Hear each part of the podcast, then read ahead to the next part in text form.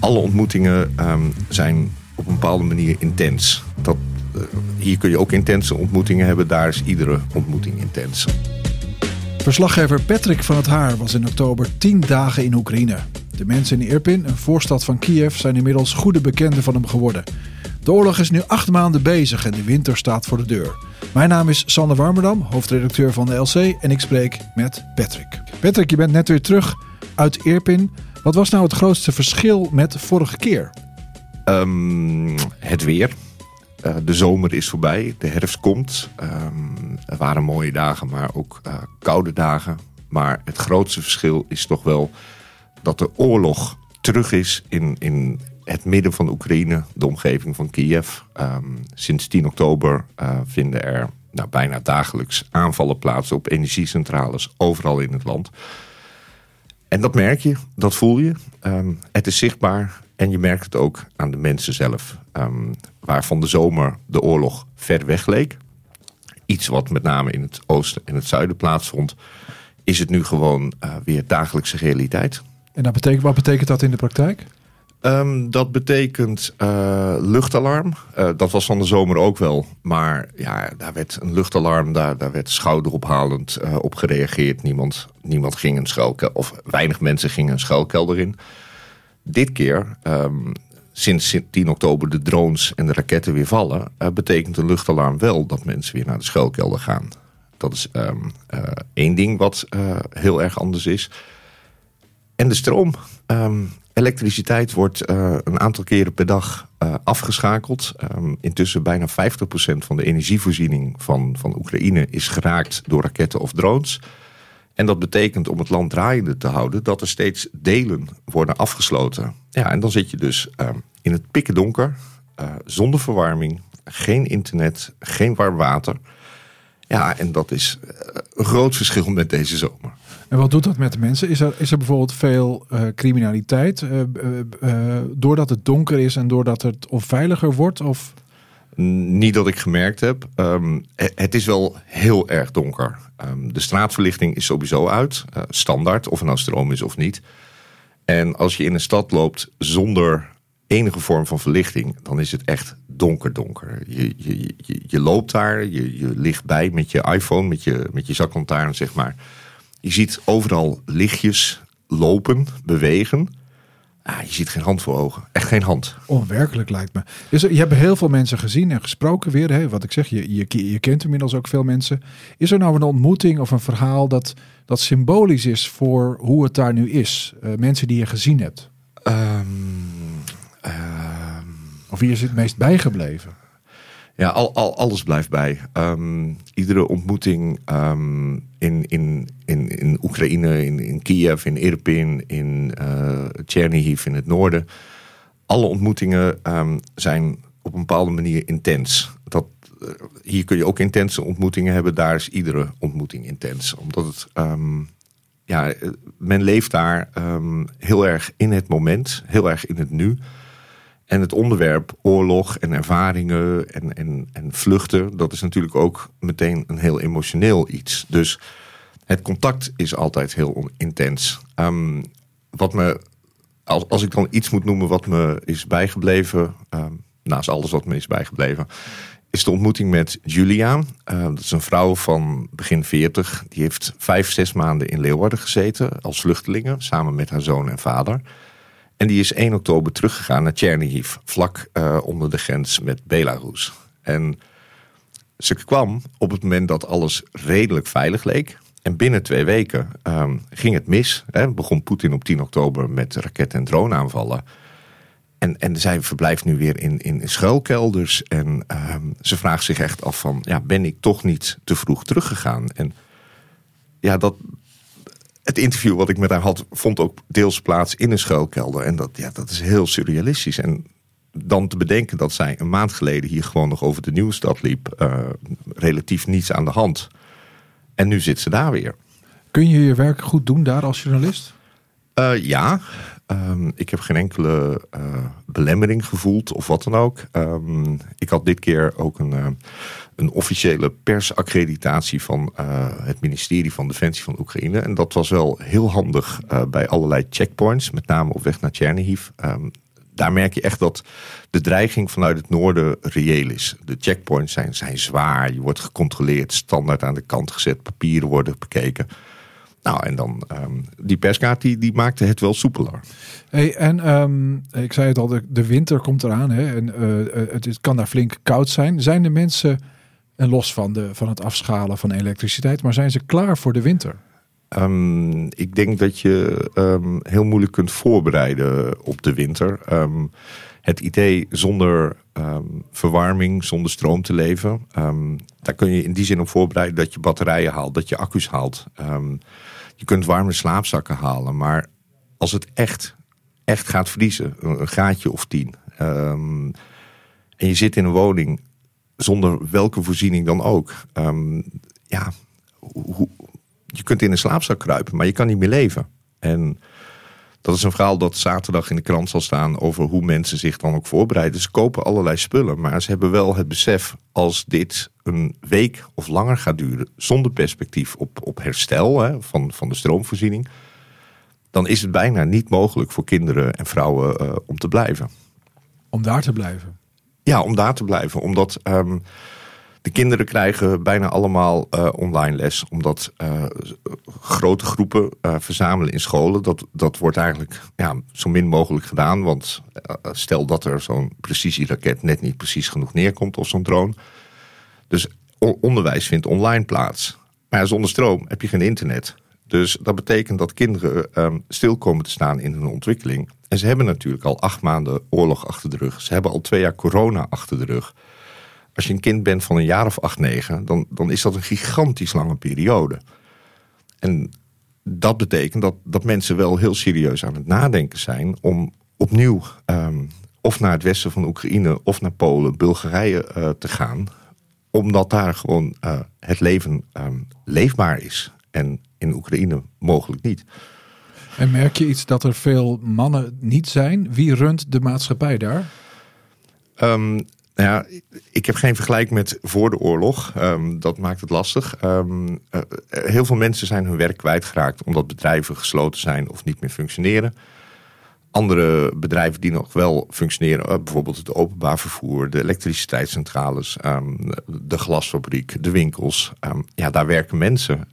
maar ik heb ook best veel mensen gesproken die hun baan nu kwijt zijn. En ja, die hebben het daarmee natuurlijk ook extra moeilijk. Ja, Kijk, en wij lezen hier natuurlijk van alles over de, de, de taal van Poetin, uh, over de, de, strategische kant van de zaak, of juist uh, de opvang van vluchtelingen hier. Uh, is het Westen voldoende doordrongen van wat er aan, echt aan de hand is daar in Oekraïne en wat er, wat er op dit moment gaande is? Um, ik denk het niet. Um, ik geloof best dat uh, regeringsleiders in het Westen weten hoe erg het is in het oosten en, en, en het zuiden van het land, waar de gevechten plaatsvinden. Maar om echt te voelen hoe het er is, moet je daar gewoon langere tijd verblijven. En, en, en in het ritme komen met, met, met inderdaad luchtalarm, schuilen, um, geen, geen energie. Het grappige is, je went er ook heel snel aan. Um, ik was er uh, één of twee dagen en toen viel de stroom dan zeg maar voor het eerst uit. En op het moment dat je dat één keer hebt meegemaakt, daarna op het moment uh, dat er stroom is, ga je meteen je telefoons opladen. Je gaat je uh, battery packs opladen. Mijn luchtbed, ik had een elektrisch luchtbed wat langzaam leegliep. Hup, meteen elke keer vol. Um, zodra je wakker wordt, keek ik richting de televisie. Brandde het controlelampje, zeg maar, dat is zo'n rood lichtje op de tv. Dan, oh, oké, uh, dan kan ik nu douchen. En dan uh, meteen onder de douche gaan staan, want dan heb je dat gehad. En um, ja, je weet niet hoe het een half uur later is. En nog even over je werk als journalist, want je bent daar natuurlijk ook om verhalen te schrijven, mensen, ja. te, mensen te zien. Hoe gaat dat in zijn werk? Want heel veel mensen zullen dat niet weten, maar je, je spreekt natuurlijk geen Oekraïens. Nee. Wie, wie, met wie ga je, uh, met wie leg je contact en hoe bepaal je welke verhalen je gaat maken? Um, van tevoren uh, bepaal je welke verhalen je wilt halen. Um, ik heb het geluk dat ik uh, tijdens mijn eerste trip deze zomer um, Oleg heb leren kennen. journalisten maken vaak gebruik van fixers, mensen die afspraken regelen, vertalen, je vervoeren. Nou, Oleg was mijn fixer van tevoren heb ik veel contact met hem gehad over wat ik wilde. En hij is op zoek gegaan naar mensen die, die verhalen konden vertellen, uh, die, die, die ik kon interviewen. Uh, hij vertaalde ook. Um, en op die manier um, kwam ik in contact met mensen. En dan hoor je een verhaal. En dan blijkt het verhaal natuurlijk nog weer anders te zijn. Uh, levert het weer een ander verhaal op dan je van tevoren had bedacht.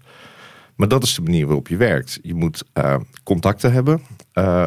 en iemand die, die je helpt. Want ja, mijn Oekraïens is waardeloos. En uh, veel Oekraïners spreken geen Engels of Duits. Dus uh, ja, je, je, hebt wel iemand nodig. Ja, dat snap ik. En heb je ook een beetje zicht op uh, de staat van de, groot woord, Oekraïnse pers?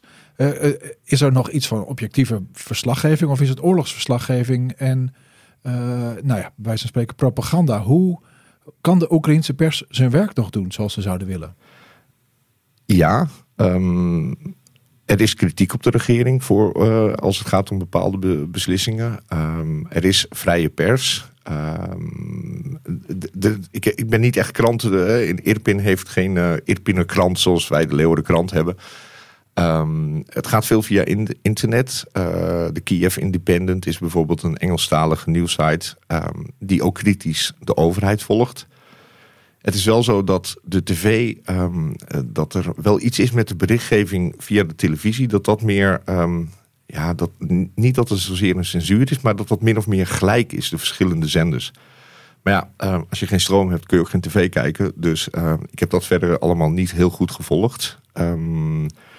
Een van de bekendere Oekraïnse journalisten was afgelopen week in Nederland uh, voor een of andere bijeenkomst. En die gaf ook aan dat hij niet beperkt werd in zijn berichtgeving.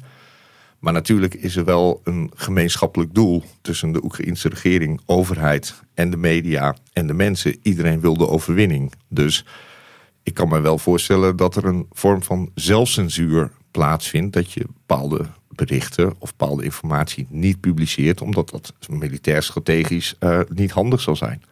Hmm.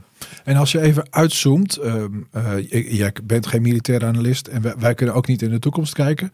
Maar als je uh, schetst wat er de komende drie maanden te wachten staat, welk punt zijn we in de oorlog? De Russen verliezen natuurlijk hier en daar terrein. Wat betekent dat voor nou ja, de staat waar we in zitten? Wat, um, maar dat, dat haal ik zelf ook uit de media, omdat ik niet aan het front ben geweest. Um, maar uh, is een, een, belangrijk punt op dit moment. De Russen uh, hebben daar fel op ingezet, ondanks dat het geen strategische waarde meer heeft. Maar daar vinden zware gevechten plaats. Je ziet dat de Russen nu Gerson, um, de bevolking van Gerson aan het uh, evacueren zijn richting ander bezet gebied of naar Rusland zelf. Dus ik denk dat uh, Oekraïne erop in probeert te zetten voor de winter komt Gerson in te nemen. En um, dat het front daarna uh, min of meer gaat bevriezen. Want uh, in november begint het te vriezen. En nou ja, we weten allemaal in het verleden um, oorlog in die contraien. Napoleon is vastgelopen, de nazi's zijn vastgelopen. Het is, geen, het is geen terrein om te vechten in de winter. Afrondend, uh, dit is nou je derde keer volgens mij uh, dat, je, dat je er was in Irpin. Uh, nee, tweede, het was de tweede keer in Oekraïne zelf. En dan een twee, oh, twee, twee, twee, drie keer naar de grens Aan de grens, inderdaad, ja. klopt. Wat is, wat is nou jouw persoonlijke drive om dit, dit te doen... en toch maar te weer te blijven terugkeren naar, naar, naar Irpin of het gebied of, of, of die plek? Dat, ik vraag het mezelf ook elke keer af. Zeker als je op de terugweg 39 uur onderweg bent, dan heb je wel tijd om daarop te reflecteren. Um, ik heb niet echt een antwoord. Um, de oorlog heeft mij um, vanaf dag 1 gegrepen. toen ik er in de tweede week langs de grens was met al die vluchtelingenstromen, de, de, de drama, het, het, enorme menselijke drama wat je dan aan je voorbij ziet trekken. Oekraïners die ik heb meegenomen, die in mijn huis hebben gewoond. Um, ik, ik, ben betrokken bij, bij de mensen. Ik ben betrokken geraakt bij de mensen. Eerst hier in Nederland zelf. En van zomer in Irpin en Kiev. En ja, die mensen, hun lot, maar ook hun, hun, hun, hun kracht, hun humor. Um, hun, hun, hun drang uh, om, om, dit, om hier door te komen, dat, dat, dat raakt me gewoon. En um, ik ben nu twee dagen terug. En um, nou, ik ben, ik ben blij weer in mijn eigen bed te slapen. En dat is allemaal heel erg fijn. Maar eh, de plek waar ik op dit moment toch het liefste ben, ehm, is daar. En, en exact waarom. Ik heb een aantal dingen opgenoemd. Ehm, dat raakt het misschien een beetje, maar het, het is gevoelsmatig. Ehm, en het is belangrijk om daar verslaggeving uh, bij te hebben. Dus uh, dat is mooi om dat te lezen. Ja, ik hoop het. Heel goed. Hey, dankjewel. Patrick van het Haar uh, hoorde u uh, over zijn uh, reis naar Irpin in Oekraïne, een voorstad van Kiev. Ik sluit niet uit dat Patrick nog een keer teruggaat, dus dan hoort u ons ook weer. Dank u wel.